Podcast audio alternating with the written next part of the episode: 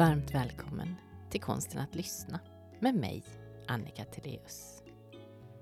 Till detta samtal har jag bjudit in läkaren och entreprenören Rickard Lagerqvist som bland annat startar företagen Wearlab och Mindler. Hur skiljer sig lyssnandet åt i rollen som läkare, i rollen som entreprenör och helt privat? Kan lyssnandet vara en del av behandlingen? Varför är det så viktigt att inte utgå från sig själv utan att förstå en patients vardag? Vårt samtal handlar om att ensamhet är ett hälsohot idag.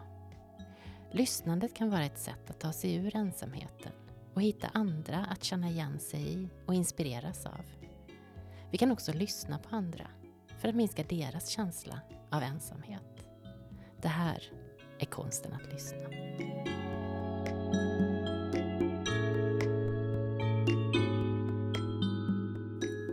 Börjar så har jag en ritual.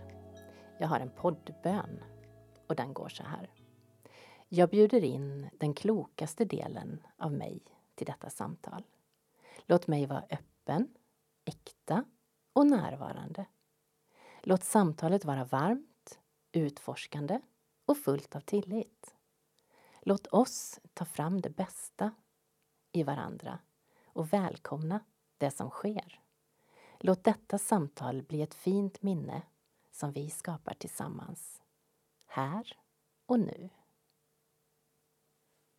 Amen. Mm, lite så. Mm. Vad händer i dig? Eh, nej, men jag tycker att eh, bön är ett eh, super eh, eh, verktyg för att påminna sig själv vad som är viktigt och eh, vart man ska fokusera och lite så. Så att eh, fint. Inte hört en poddbön tidigare så det var premiär. Mm. Varmt välkommen Rickard Lagerqvist. Tack så mycket. Tack. Jättekul att ha dig här. Ja, spännande. Ja. Vad är din relation till lyssnande? Eh, ja, eh, det är Eh, något eh, som eh, jag definitivt försöker bli bättre på. Snacka mindre, lyssna mer. Men sen är det också en del av mitt arbete som jag jobbar ju som bland annat får man väl säga, men läkare och då är ju lyssnandet en väldigt stor och väsentlig del att låta en patient tala och helst ostört eh, Eh, och eh, ja, lyssna. Eh, så att där är det ju verkligen relevant men även i, många andra sammanhang kanske främst då i relationer med andra människor så är ju det, ja det är ju superviktigt att lyssna och, och även med min lilla dotter som är sju år försöker jag också att få igång henne att berätta om sin dag och så, så att jag kan få lyssna på det. Eh, men, eh, men jag är också en sån babblare så att eh, för mig har det varit en utmaning att eh, faktiskt lägga lite band på att komma med smarta lösningar och istället lyssna och så. Så att eh, det är något jag övar på. Mm. Hur bra är du på att lyssna på dig själv? Uh, nej men jag har nog blivit mycket, mycket, mycket bättre skulle jag säga med, med tiden. Uh, jag har alltid varit ganska känslostyrd och impulsiv vilket är en kombination som inte alltid är optimal. Uh, och, eh, och också ganska rädslostyrd och det är ju jättetokigt då om man lyssnar mycket på sig själv för att då kan ju det resultera i att man lyssnar på rädslor och så agerar man på ett sätt som inte alltid är till det bästa faktiskt. Så att eh, det har varit eh, ja, ett, ja, egentligen ett problem och det kan fortfarande vara så men eh, nu tycker jag att nu, nu, eh, nu kan jag lyssna på ett annat sätt och eh, Eh, om eh, det är som det ska vara eh, dagligdags i mitt liv så kan jag filtrera bort till exempel rädslor och i bästa fall då hitta kanske det som är sunt att lyssna på och så. Men även det är ju lite av en, en övning faktiskt. Men, men jag försöker ju lyssna inåt och på mig själv, absolut. Det gör jag. Och hur gör du för att sortera bort rädslorna? Ja, det finns ju sådana här små eh, enkla knep som, som jag tar till och det kan ju till exempel vara om det är en situation och så kan jag bara tänka så att om jag var helt utan rädslor, hur skulle jag då agera eh, en, en viss situation? Men det kräver ju också att man på något sätt har någon gång i alla fall i livet identifierat också vilka kanske rädslor man har och sådär som är återkommande och eh, eh, ibland också kanske man behöver bolla det med någon ja, klok kompis eller eh, flickvän eller vad det nu kan vara. Men, eh, men, eh, men framförallt att snabbt försöka identifiera om det är en rädsla och vad det handlar om. Eh, och som sagt då att jag, jag tänker ofta så att om jag då inte hade den här rädslan, vad skulle jag då göra i en viss kanske situation eller så? Mm. Inom vården och Ja. som läkare, Mm. jag föreställer mig att det handlar om att lyssna i flera lager. Ja, det, det, är, det är ju ofta, jag jobbar ju som distriktsläkare och då är det ju ganska eh, ja, relativt sett korta besök. Det beror ju helt såklart då på vad eh, patienten söker för. Men eh, det tog lite tid innan jag förstod också att om jag eh, bara frågar vad, vad kan jag hjälpa dig med idag och låter patienten tala helt ostört. Då kunde jag tidigare i början av min karriär, då kunde jag vara rädd att oj, nu kommer hela besöket liksom gå åt här till att den här utläggningen. Men sen har jag ju faktiskt lärt mig att eh, ofta så eh, kanske en patient eh, talar då ja, eh, tre till fem minuter. Fem minuter är väldigt länge, alltså verkligen länge. Och, eh, men det är ju inte länge ur alltså tiden man har för besöket så att säga. Och det där är rätt häftigt för att då har jag också förstått liksom att om en patient får tala ostört de här minuterna, vilket inte är någon lång tid, men upplevelsen är ofta att man har fått tala jättelänge och känner sig just eh, lyssnad på och eh, inte bli avbruten och sådär. Eh, så att det är något jag ja, verkligen eh, låter patienter göra helt enkelt. Och sen då när, när de här fem minuterna har gått, då är det såklart att man ställer de här eh, lite öppna frågorna och eh, smalnar liksom av till mer och mer riktade frågor för att ringa in, ja, vad det nu är, distriktsläkare, då kan det ju vara allt ifrån att en patient har diabetes till någon tumörsjukdom till depression, stress, alltså det är ju allt mellan himmel och jord sådär. Alltså det är ju lite olika såklart. Men, eh, men eh, just att eh, man låter en person tala ostört, det är ju det, det är ett jätteviktigt verktyg och som uppskattas mycket. Och det tar inte så lång tid. Det är det som är grejen. Så att, ja, där är lyssnandet. Och sen lyssnar man ju såklart på äldre kollegor och sådana som jag tycker är eh, duktiga. Eh, och eh, jag försöker verkligen att hitta sådana som ja, har något som jag vill ha egentligen och om det är då kunskap inom någon viss diagnos, om det är jobb och så, så eh, tycker jag mycket om att lyssna, lyssna även på, på sådana. Så att det är också lyssnande. Mm. När man försöker effektivisera Mm. så blir det ju ofta det här att man känner att man har inte tid och man Ja. har inte tid att lyssna. Mm. Men har man tid att inte lyssna? Och som du förklarar så går det ju faktiskt rätt så fort. Ja, absolut. Och det, det är väl tyvärr så att eh, de där minuterna eh, kan då eh, kanske ibland eh, rationaliseras bort. Eh, men, men det är ju så, det, det, det går jättefort. Alltså det, det är verkligen så om man ber en person att berätta någonting och man inte säger ett, ett knyst utan bara lyssnar just och då då, då, är det ju ofta, jag har inte varit med om att det är så mycket mer än fem minuter och så är ofta den personen supernöjd och klar och känner liksom att man har fått säga det som har varit viktigt att berätta och, och lite så. Så att eh, det, det, jag hoppas att det inte tappas bort och eh, inom, eh, ja, inom läkarkåren är det också någonting som jag vet att väldigt många är väldigt duktiga på alltså att, att lyssna och, och så.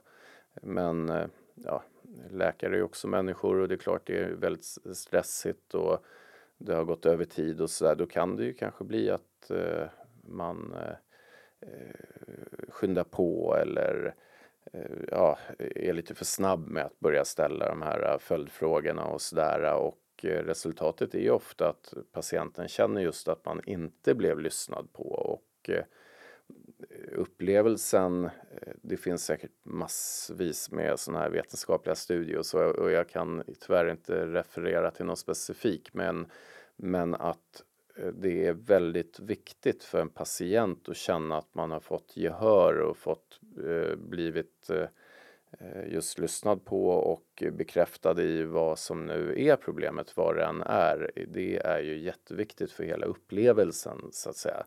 Eh, av, det, det är nästan som en del av eh, behandlingen alltså. Och framförallt är det en viktig del i att få ja, skapa ett förtroende och en tillit sådär. För att om jag avbryter direkt och så, då kommer inte jag kunna bygga någon stark eh, trovärdighet och inte få någon tillit. Så att när jag sen kommer med förhoppningsvis någon vettig lösning på vad det nu är eh, som patienten har sökt för, då, då är det ju viktigt att den patienten också känner att den eh, ja, tror på det jag säger och att jag har lyssnat och förstått innan jag kommer med en lösning. Så, ja. Mm. Lär man sig lyssna på läkarutbildningen? Jo, alltså det är nog någonting som kanske har blivit viktigare senaste... Jag ska tänka, jag var ju färdig 2007 med själva grundutbildningen och då hade man något som hette patientläkarrelation. Och där ingår ju just att eh, vikten av att just lyssna. Och eh, så att, eh, men det var relativt nytt då som ett eget eh, vad ska jag säga, inslag och som följde med under hela utbildningen så var det så att säga eh, under varje termin så var det små ehm, eh, vad ska jag säga, inslag då av just den här patient-läkarrelationskursen. Eh, eh, så att det, det, nu är det nog mer självklart men jag kan tänka mig att det kanske börjar strax innan att jag eh, gick min utbildning.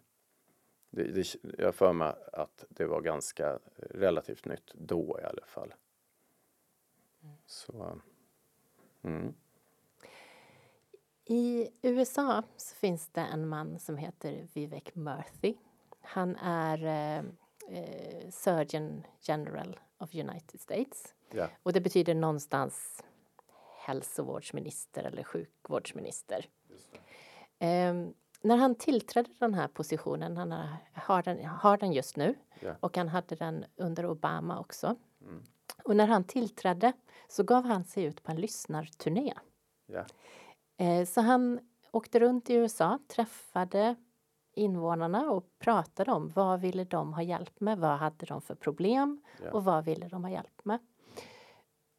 Och han var inte så överraskad över att det fanns stora problem. Dels rent fysiska hälsoproblem. Ja.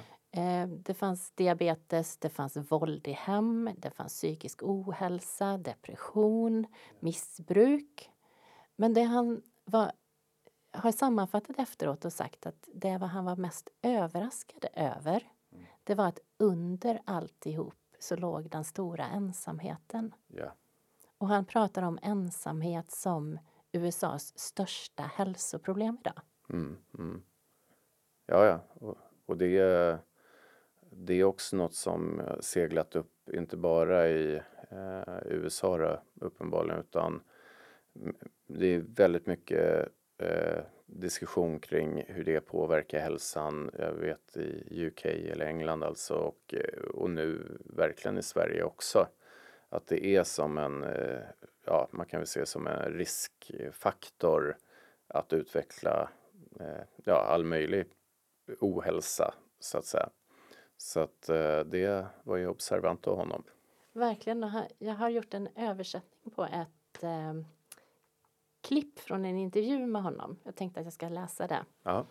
Det knyter verkligen an till lyssnandet. Så ja. han sa så här.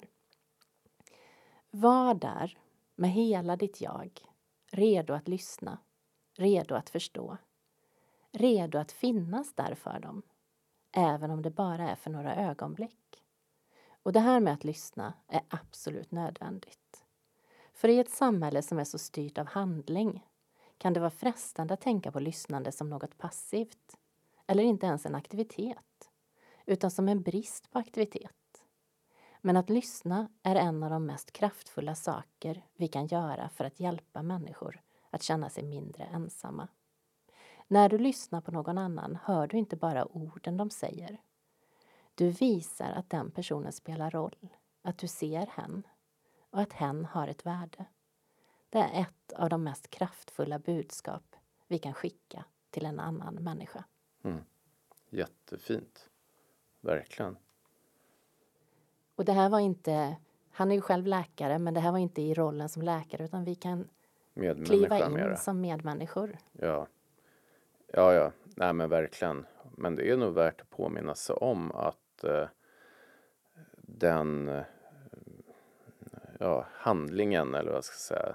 Att dels eh, det är en ganska liten, även om det såklart är någon form av handling att lyssna så är det en ganska liten insats som säkert ger en, ja som han så väl formulerade, ger en väldigt bra utväxling eh, hos en annan människa. Så att eh, ja, jag eh, kan bara hålla med faktiskt. Så och det, det, men det är eh, eh säkert många sammanhang som eh, man glömmer bort det där eh, att lyssna och jag eh, för jag tänker lite på om man, jag är ju läkare men sen har jag ju varit entreprenör och VD och sådär, alltså vanlig, eh, vanlig chef eller vad man ska säga. Och Eh, då, det slog mig ofta just när man anställde nya personer, även om de var extremt Eh, välutbildade och eh, kompetenta på alla sätt. Och, och så, äh, så börjar en sådan person och eh, då ett väldigt vanligt beteende var att man, liksom, man kommer in och då är det kanske första dagen eller andra dagen och ändå så vill man, eh, ja, man vill göra en massa förändringar och eh, vända upp och ner på massa saker och så, vilket jag är ett stort fan av att eh, göra om saker och ting. Det är inte det, men just att det är väldigt ovanligt att, att en nyanställd person till exempel började med att lyssna. Vad är det som till exempel fungerar väldigt bra idag och eh, ja, och också eh, vad är det som är utmaningar? Vad, vad, vad är det som man kanske just måste förändra ögonaböj och, och, och just det där att bara eh, ta en period, en vecka, två veckor och bara ungefär som den här eh, amerikanska hälsovårdsministern eh, eller vad det nu var för position han hade, att, att faktiskt bara lyssna innan man börjar förändra och, och så. Det är eh, det är inte så vanligt alltså. Utan, och, och grejen är att jag är säkert, i sånt sammanhang så eh, hade nog jag tyvärr kunnat vara lite samma själv alltså. Att kliver in och så ska jag, oj vad kul, nu jag, har jag något nytt jobb och Eh, nu vill jag göra allt så som jag tycker att man borde göra eh, Ja, man vill visa sig handlingskraftig. Ja, men faktiskt. faktiskt. Här kommer jag som en resurs. Ja, no, exakt. Och, och, och det är nog en utmaning då att inte göra någonting utan just eh, sitta still i båten och eh, systematiskt eh, eh lyssna eh, på medarbetare och i den här personens fall åker jag runt och lyssnar på eh, ja, vanliga människor eh, i USA i det här fallet. Och, men eh, så att det, det bara slog mig nu. Eh, det, dök upp när, när, när jag läste den där texten att det är inte så vanligt. Men det kan man ju rekommendera att göra. mm. Ja, och det behöver inte vara så stort. Det behöver inte vara att man slår sig ner tillsammans utan man kan fråga i trappan när man möter någon hur det är. Och Absolut. faktiskt stå kvar där och låta inte bara räkna med att ah, allt är bra utan att det finns utrymme att ta emot någonting som kanske inte är bra. Ja, nej men verkligen. Verkligen. Sen tycker jag att eh, nu var det ju verkligen eh, poängen här var ju också att, att man hjälpte den här medmänniskan genom att man själv då lyssnar på en annan person. Men jag tänker att det är också väldigt eh, terapeutiskt eh, för en själv att lyssna på någon annan där. Och det, jag vet, jag hade en hund och eh, då i, i början eh, när jag hade den här hunden så när man var och träffade andra hundägare då, då gjorde jag det till en grej att ställa någon fråga och sen utmana mig själv genom att just bara lyssna och ställa en följdfråga och eh, Eh, inte säga, alltså man, det var inte så att jag ville vara hemlighetsfull på något sätt eh, men, men att inte så snabbt styra in att ja, så tycker jag också och vet du, det här hände mig och, och sådär utan bara fortsätta och, och lyssna och eh, och det tyckte jag, det var ganska skönt för mig alltså. Sådär. Så, um, och eh, de flesta möten också, om det är med okända personer, blir ju ganska, de blir ofta väldigt eh, positiva om man just eh, lyssnar mer än, eh, än eh, babblar på själv. Men, men som sagt, jag har ju verkligen haft det omvända problemet. Jag, jag har ju alltid varit ganska eh, babblig och Eh, vilket ju var just det, det blev ju ett problem då i skolan till exempel. Jag kommer inte ihåg, men häromdagen så blev jag liksom påmind om att jag själv gick eh, ett år i mellanstadiet i så här, det hette obsklass då, just för att jag aldrig kunde vara tyst på lektionerna. Så att jag eh, har sen, ja de tyckte väl efter det här året att, att jag ändå fick gå i en vanlig klass igen. Men, men då var problemet just det att jag bara babbla babbla nonstop alltså. Så att eh, så för mig har det varit en utmaning att ja, vända det skeppet så att säga från mer lyssning än babbel. Hur kom du fram till det? Eh, alltså, det var ju inte direkt i skolan eh, som den eh, insikten kom utan det är väl egentligen långt senare som jag eh, har blivit mycket bättre på att lyssna. Faktiskt mycket, när, kanske lite grann när jag började eh, plugga men också att jag jag har försökt hitta sådana även under uppväxten så försökte hitta sådana som jag tyckte var som jag såg upp till lite granna och eh, lyssna på eh, på dem helt enkelt och ställa frågor och hur de hade gjort och i olika situationer och eh, jag eh, min eh, nu säger man väl bonuspappa eh, men den eh, ja, bonuspappa som jag hade mellan att jag var 10 och 20 eh, efter att mina föräldrar separerade. Och han, eh, han var ju ett sånt föredöme för mig och som jag lyssnade jättemycket på och som jag märkte att jag också blev väldigt inspirerad av att ja, men till exempel börja plugga och jag, eh, ja, men jag såg upp till honom och eh, ställde väldigt mycket frågor och han berättade och jag hade just förtroende och tillit och så. Så att där, Eh, ja, det blev ett väldigt bra föredöme som eh, ja, inspirerar mig till allt möjligt från att jag ja, kör motorcykel så som han gjorde men också han var advokat. Jag, eh, det blev läkare istället eh, för mig och eh, ja, mycket som jag tog efter helt enkelt. Eh, så, och det har jag väl försökt fortsätta att göra, liksom att hitta personer som jag, och det kan ju vara små saker eller stora, men att man hittar personer som man tycker ändå har någonting som, eh, som man själv är lockad utav och, och verkligen lyssna. Hur, hur har de gjort? Eh, och det, det var ju också så som eh, min, eh, när, just när jag blev entreprenör, eh, egentligen så är vi nästan mer innovatör för jag är mer lockad av själva Eh, att göra någonting på ett nytt sätt. Så det är som eh, mer som olika uppfinningar än någonting annat. Men, eh, men då har det ju också varit mycket att jag lyssnar på sådana eh, andra entreprenörer som jag tycker är vettiga. Alltså, det behöver inte alls vara att de är framgångsrika på som så Elon Musk-sätt utan mer att det är någon som jag tycker har gjort något vettigt, något klokt.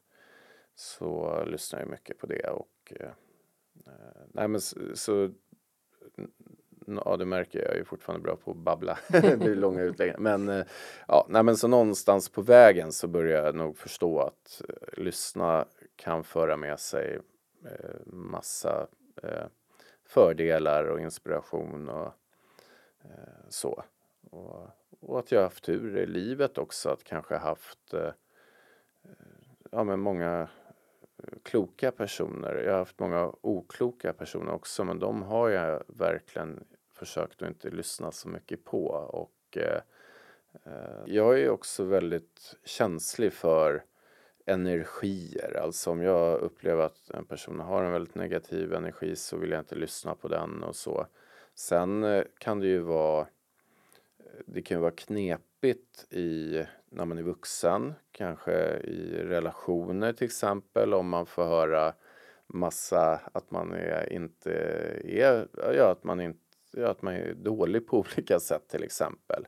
Och det där kan ju vara jättesvårt då. Det har varit jättesvårt för mig också under mitt liv att sortera ut vad är feedback som jag ska ta till mig och vad är någon form av projicering från en annan person. Och det är ju inte alls lätt i början. Och jag har ju också varit ganska sådär självkritisk vilket gör att jag har haft ganska lätt att ta på mig om det är något som inte är bra. Och eh, hela tiden gå till och titta vad är okej okay, nu säger den här personen det här. Och vad är min del och vad är det liksom ingen rök utan eld och allt det här. Men där eh, Eh, tycker jag nog att jag har blivit eh, ja men det har tagit tid men, eh, men det är någon form av personlig utveckling i, i det att till slut känna att så här, vänta, men det här stämmer inte riktigt. Och också eh, när man har olika personer som säger olika saker, att liksom kunna bena ut vilka är det som kanske vill mig väl och vilka är det som inte. Och, så, och att försöka lyssna på eh, på rätt personer. Men det är, det är jättesvårt alltså. Det är någonting, ja, det kanske inte bara är hos mig utan och mänskligt att man gärna, alltså, det är ju den där klassiska att de som 99 personer säger att gud vad bra gjort och så säger en det där var riktigt dåligt och då blir det liksom den som ändå fäster på något sätt. Så att eh, så det är ju en utmaning med att lyssna på andra också.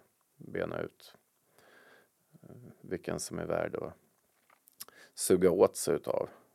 Jo, vilka man vill ha runt sig. Ja. Och vem man blir ihop med folk. Blir jag en bra version av mig själv? Ja. Eller blir jag en pytteliten version av mig själv?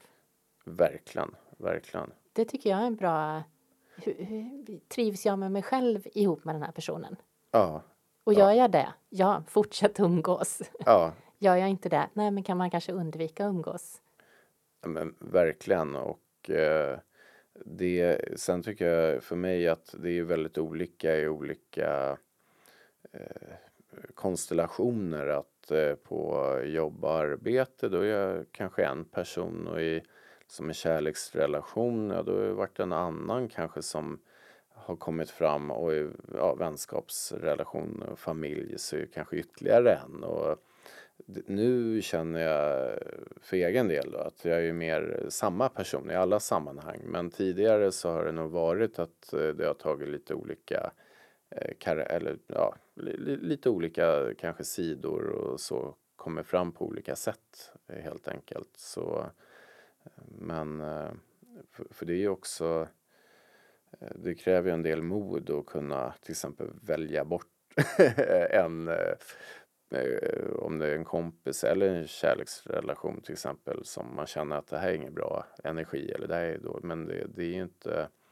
det är ju ganska svårt eh, faktiskt att göra det. Så att, eh, men, eh, men där tycker jag också att eh, jag gillar själv just med Eh, Eh, ja, men till exempel poddar har hjälpt mig jättemycket när det kommer till eh, ja, relationer. Särskilt kanske sådär att jag lyssnat och förstått eh, tidigare då att eh, ja, okej, okay, det här är tydligen inte alls sunt och bra i en relation och, och eh, eh, sånt som jag kanske inte har förstått riktigt eh, fullt ut. Men eh, då har man lyssnat och insett att man, det som jag upplever och känner och jag vet någonstans kanske att det inte känns helt rätt eh, men jag har svårt att sätta fingret på det och så har jag kanske fått tips om, om någonting att lyssna på och så är det någon som har berättat något liknande och bara det att jag då kan känna att så, ja, det här är inte unikt och speciellt bara för mig utan det är tydligen det här förekommer eh, och och Ehm, det tycker jag är också fantastiskt just med lyssnandet. Alltså. Om man jämför de här olika rollerna som du har. Ja. Eh, I ett avsnitt i första säsongen så gästades jag av Cecilia som tidigare var eh, projektledare inom reklambranschen och sen sadlade om och blev eh, begravningsrådgivare. Ja. Och hon menade att för henne så var lyssnandet så viktigt i båda rollerna och låg väldigt nära varandra för att det var att lyssna på kunden mm. och att försöka förstå för att eh, använda hennes kompetens och sen lägga på eh, vad man skulle göra av det. Mm. Hur ligger dina roller i lyssnandet som entreprenör eller att lyssna som läkare? Ja, eh, som eh som entreprenör eh, den delen, då är det mycket summan av lyssnandet på väldigt många människor. För ofta är det så sådana här saker som jag hittar på som eh, har varit ofta inom eh, hälsoområdet i alla fall och då, då är det att jag på något sätt har fångat upp som en gemensam röst från eh, ja, det är samhället eller människor eh, jag möter. Och det kanaliseras ofta ner till att okej, okay, det här är ett eh, eh, problem som många har och eh, som eh, det, det, senaste då som jag eh, drog igång var, var en sån här digital psykologtjänst. Och då var ju det att jag fångade verkligen upp eh, att det var många som verkligen behövde eh, en psykologkontakt men att eh, det var extremt långa väntetider och där försökte jag då hitta en lösning kort och gott på det. Så att där lyssnar jag ju på väldigt, väldigt många men jag lyssnar sällan på mig själv faktiskt som entreprenör för det är och det är, alltså, det är säkert olika men, och jag vet många just entreprenörer de, de kan ju vara sådär att jag själv ville ha det eller det. Eh, men eh, det, eh, så är det inte riktigt för mig som entreprenör faktiskt, utan då är det mer att jag verkligen försöker känna av vad, eh, vad väldigt många människor eh, saknar på, på något sätt. Och sen så tycker jag att det är kul att försöka då hitta en lösning på, på det. Så, så där är det ju ett eh, sätt, och någon form av volymlyssnande kan, kan man säga. Hur gör du det rent praktiskt? Nej men det, det blir alltså det är väl undermedvetet mycket att, att eh, man eh, ja, där uttrycket man lägger örat mot rälsen. Det, det är lite det. Det blir någon form av samlat intryck från personer man eh, träffar både som läkare och eh, privat och trender, vad som jag läser och vad som eh, rapporteras på nyheter och det, det är ja, summan av massa olika input. Eh, så kan man väl säga att det blir i de fallen. Och sen ja, som läkare då är det ju mer motsvarande begravningsrådgivaren eh, där att eh, verkligen försöka eh, också lyssna och försöka känna in vart den här personen, alltså vilka förutsättningar en individ har, vilka resurser, eh, både intellektuellt och eh, ja, eh, kanske fysiskt och så. För det är ju jättelätt för mig att sitta och säga att ja, du ska, behöver nog gå till gymmet eh, tre gånger i veckan. Och, men det hjälper ju inte så mycket om det är en ensamstående, kanske kvinna, undersköterska med två barn. Eh, hon skulle säkert jättegärna vilja gå till gymmet eh, tre gånger i veckan. Det skulle hjälpa hennes begynnande diabetes. Sådär. Men, men då eh, behöver jag ju förstå att det kommer inte, ett sånt råd kommer inte hjälpa henne utan då behöver man ju liksom mötas vad som är möjligt för just eh, henne till exempel. Och där är ju att lyssna eh, rätt så att säga är ju viktigt då. Så, eh, så det är ju en skillnad med, och det är ju väldigt individuellt. Så man tänker entreprenörsdelen är ju mer eh, generell, alltså vad generellt folk sådär. Medan med läkarlyssnandet eh, då, då gäller det ju mer att på eh, en individuell nivå hitta rätt väg framåt som är görbar och möjlig. För det är också viktigt att man sätter upp realistiska mål som eh, en person, individ, patient kan ja, hålla med om och eh, så att säga själv signa på att det här verkar rimligt.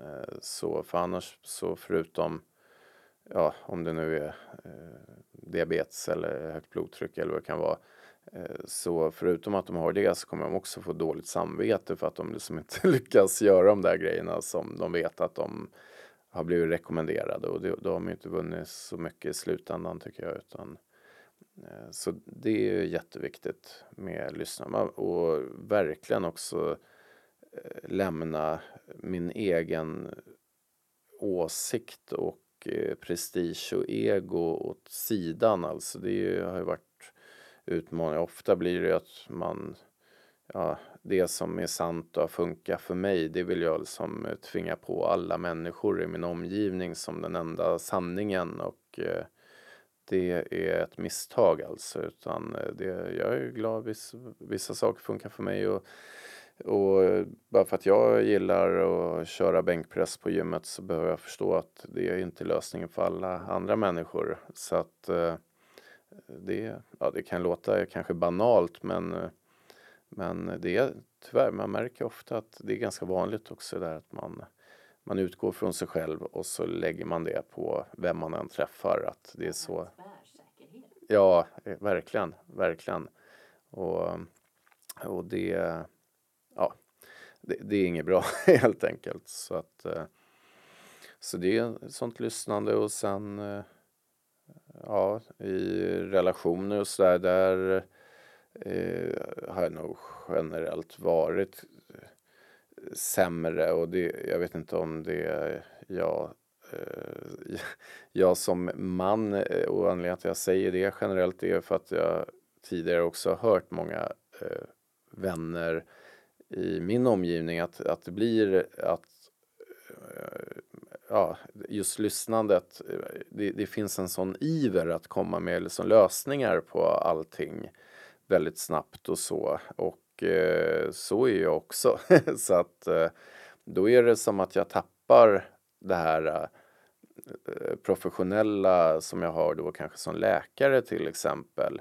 Eh, och då släpper jag det totalt och så istället så oj nu verkar hon glad. Ja, men då eh, är det på grund av det och det och nu verkar hon ledsen och då eh, ska jag lösa det direkt och sådär. Så att istället för att kanske just bli lite bättre på att inte komma med lösning och ja, lyssna kort och gott. Så eh, och ja, och det är också med familj och vänner och sådär att jag kan Eh, Eh, var klart mycket sämre på, om jag nu ska vara lite självkritisk, klart mycket sämre tålamod eh, att lyssna i de sammanhangen. Eh, fast det ofta är samma situation som när man är som läkare, att om man låter någon tala klart så är det inte så många minuter. Eh, så min, eh, ja, det kan vara så, jag tänker framförallt som är min kära mamma till exempel, att då är tålamodet och eh, förmågan att lyssna eh, väldigt begränsad eh, faktiskt. Och det är, det är, det är tråkigt att det, att det är så, men av någon anledning så funkar väldigt mycket sämre, kort och gott. Så, att, så det är olika, olika, olika lyssnande i olika sammanhang. Mm. Men jag har ett eh, medskick till de som lyssnar. Mm. Om att mm, ibland så möter jag eh, människor som säger att ja, men det den här personen säger är så ointressant. Pratar massor om saker som jag inte bryr mig om. Mm. Och jag vill inte lyssna.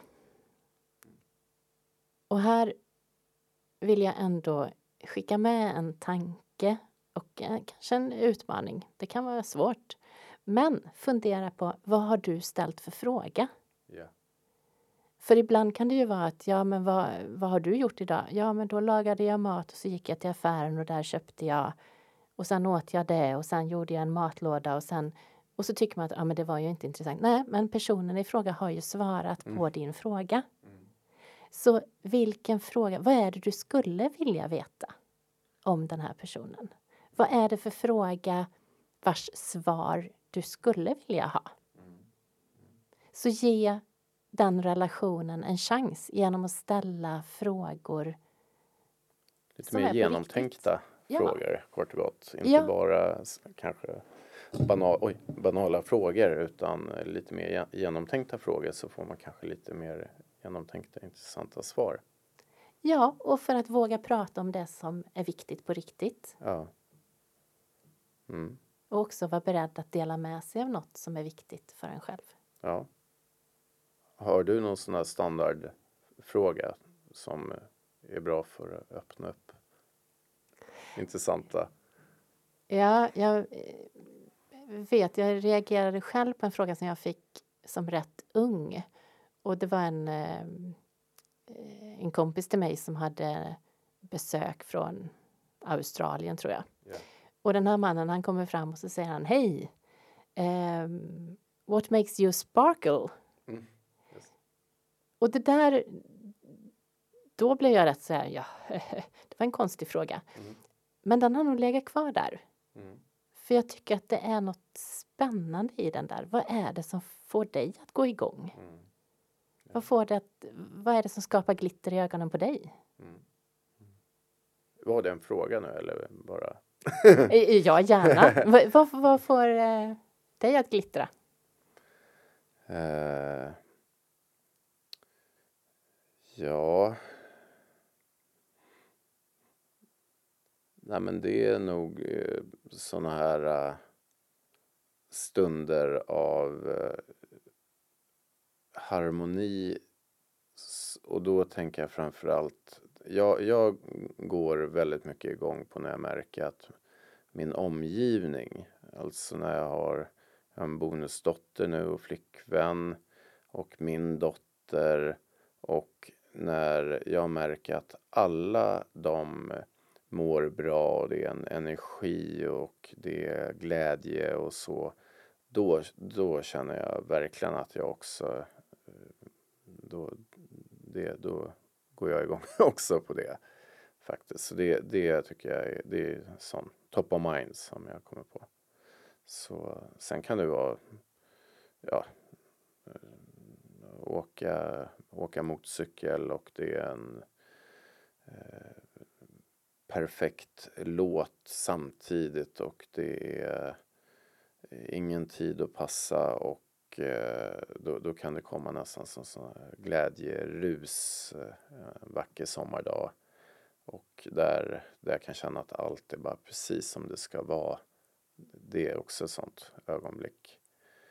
Ehm, så ja, men det är, det är lite olika olika sådana saker. Mm. Du då? ja.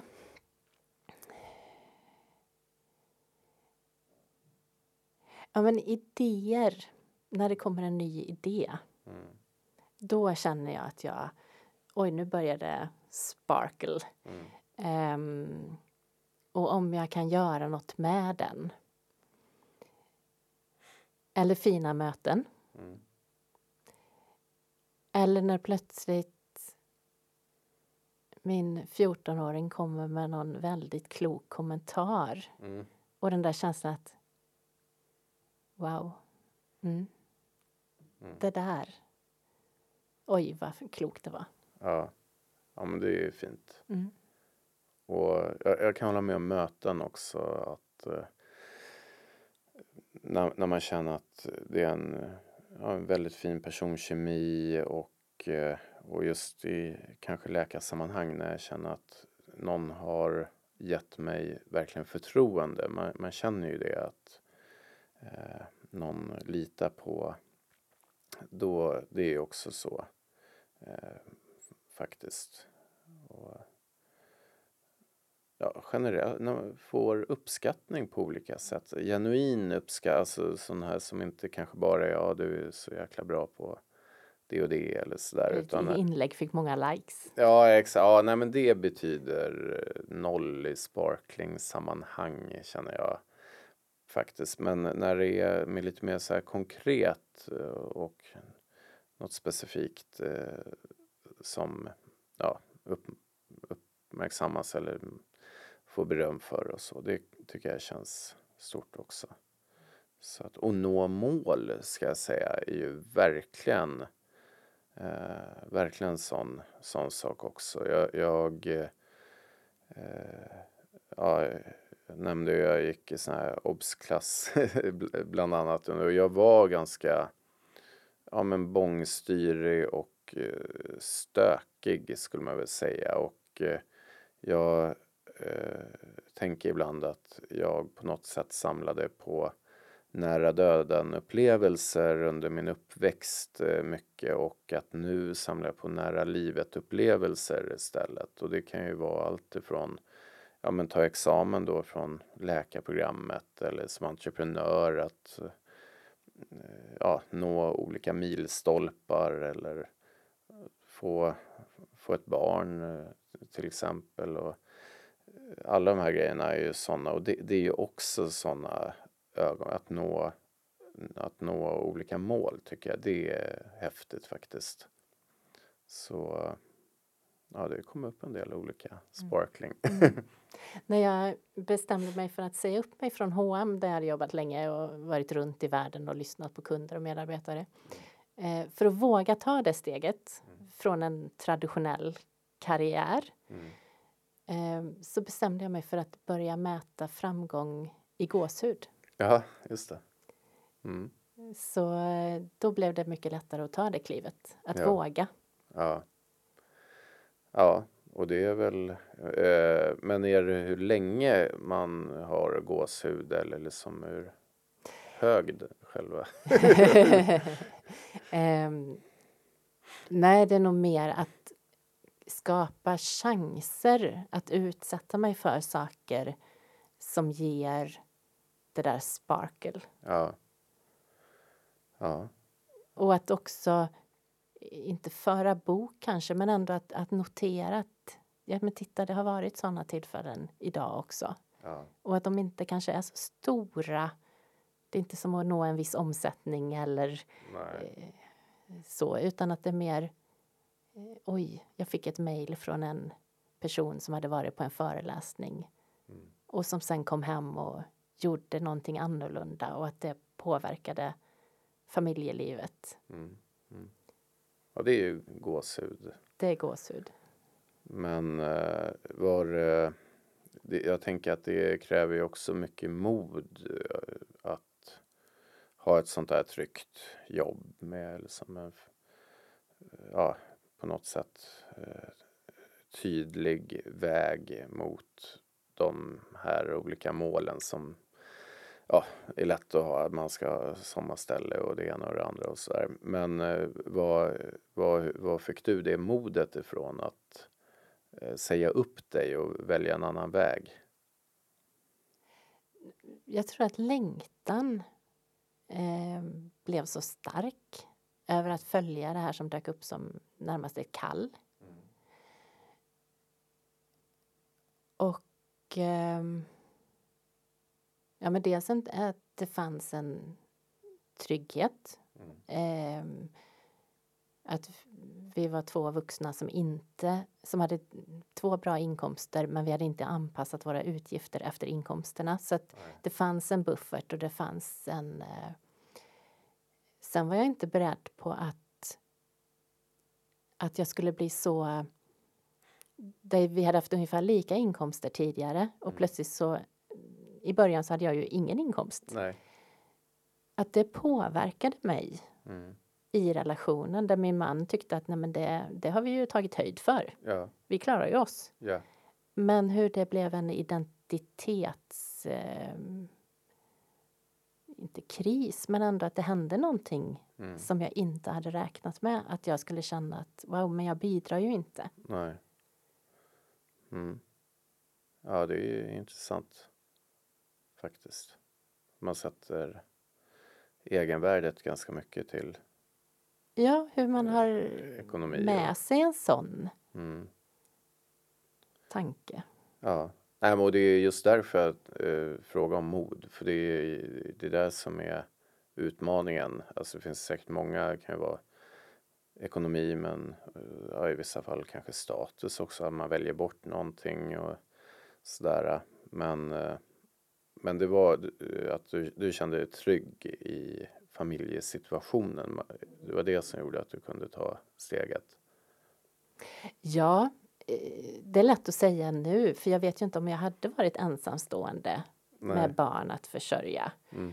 Hade jag Gjort vågat? ändå, Jag ja. kanske hade gjort det ändå. Och Ja. kanske hade jag gjort det på ett annat sätt och kanske hade det gått fortare. Ja, För att jag hade haft kniven på strupen och behövt göra saker annorlunda. ja, jo. Det vet jag inte. Nej, nej men det är, jag tycker det är intressant om det är liksom är inbyggt eh, hos vissa att man bara ska göra och så kan man hamna snett eh, i, på något vis och så blir det då rätt till slut.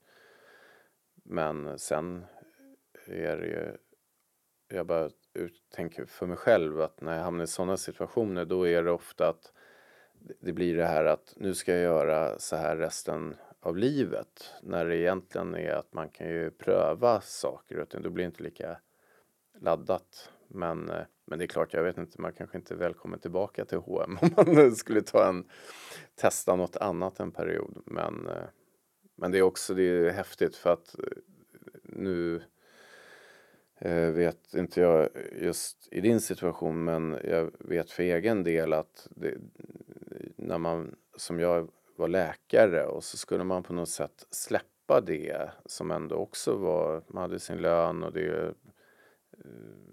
jag menar, det är ju vad många drömmer om och sådär och bli läkare och så liksom välja bort det för att göra så här någon startup. Eh, det var ju väldigt ifrågasatt eh, från min omgivning och så. Men eh, jag kände också lite sådär att det är en del av mig som måste få komma, få utlopp. Men att det också blir faktiskt väldigt bra eh, i slutändan om man följer eh, den känslan alltså. Och, eh, men att det just det kräver mycket mod.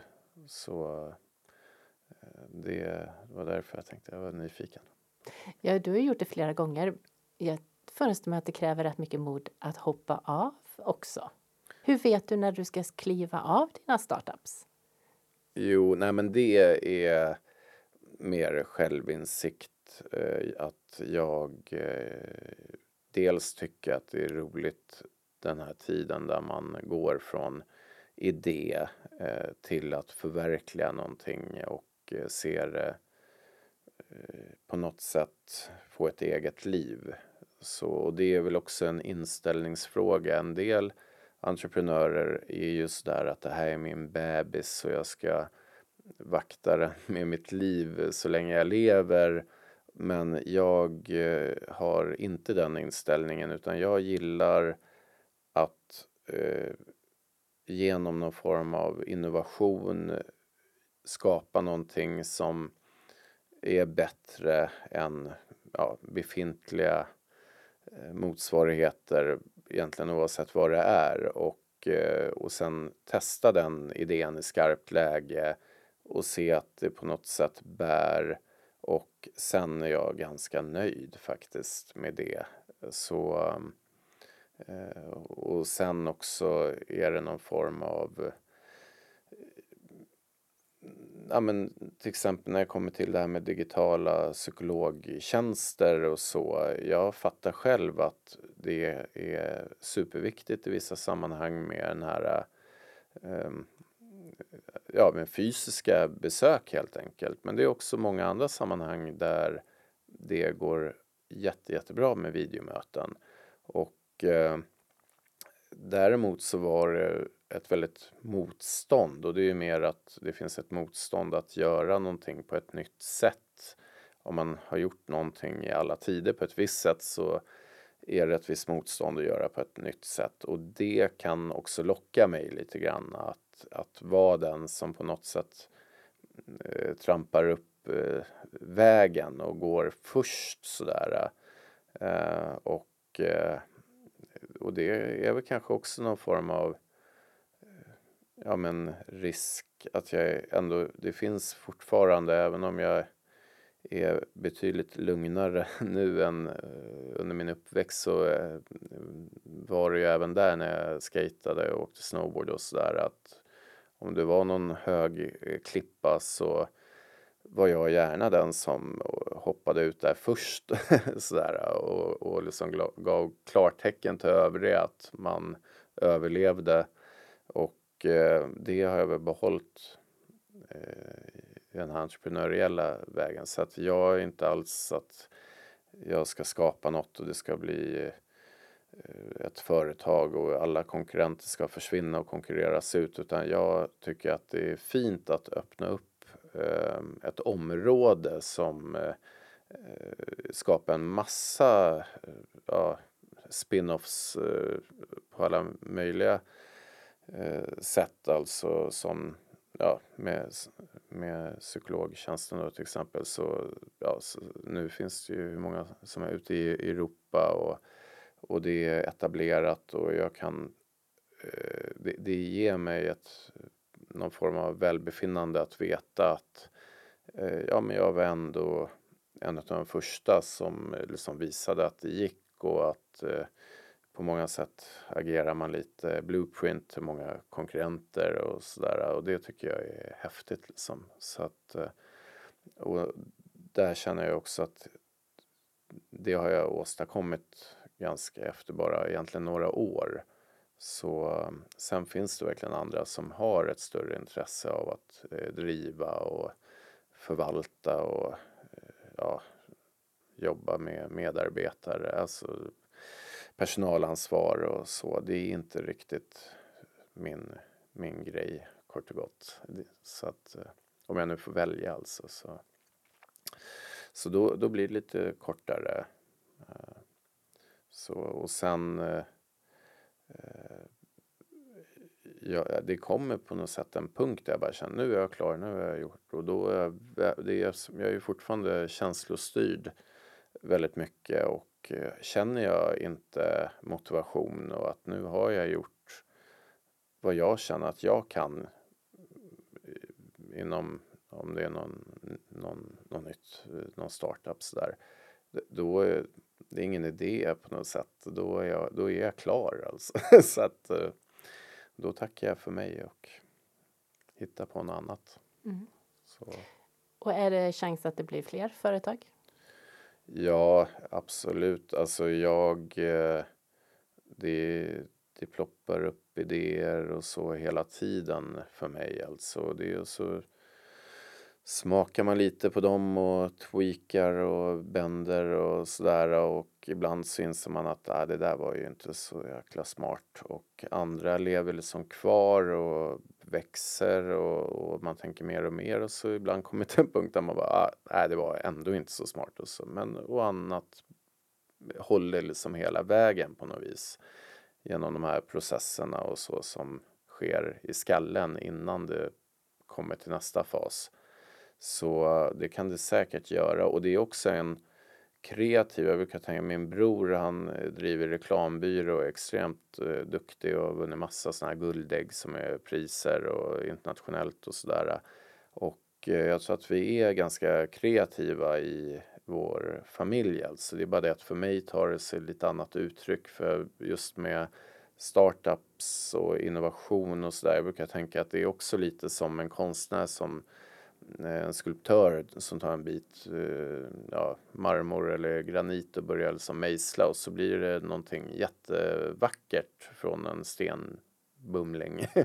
och, eh, och det, jag tycker verkligen att det är en väldigt kreativ process att, att bygga upp någonting och ta en idé till ja, någonting som, som finns och funkar och hjälper folk i bästa fall och lite sådär. Så att, eh, och den kreativiteten hoppas jag ju verkligen innerligt aldrig dör eller försvinner och därför så hoppas jag också att det kommer komma annat. Eh, sådär. Så, mm. Stort tack för att du kom hit Rickard. Jättetack för att jag fick komma hit.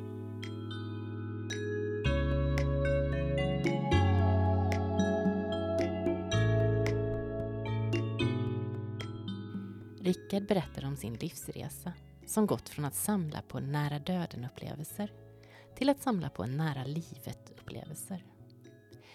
Vi pratar om att identifiera sina rädslor, om att gå i obsklass och vikten av att ha förebilder. Vi kom också in på vad som händer när man kan lägga prestige och ego åt sidan och sluta utgå från sig själv. Och varför man som nyanställd ska lägga mycket tid på att lyssna innan börjar förändra. Lyssna gärna på avsnitt 17 med Anna-Karin Jonsson. Det handlar om att möta härskartekniker och gaslighting. När vi är utsatta för något sånt kan det hjälpa oss ur vår isolering att förstå att det finns fler som drabbats och också få konkreta tips om hur vi kan bryta oss loss. Det hjälper Anna-Karin oss med. Har du feedback på podden så kan du mejla till feedback.konstenattlyssna.se Dit kan du också skriva om du vill boka mig som föreläsare, kursledare eller för att leda utvecklingsprocesser. Du har väl inte missat att Konsten att lyssna även finns som bok? Vill du att fler ska bli bättre på att lyssna så tipsa gärna både om boken och podden. Tack för att du har lyssnat.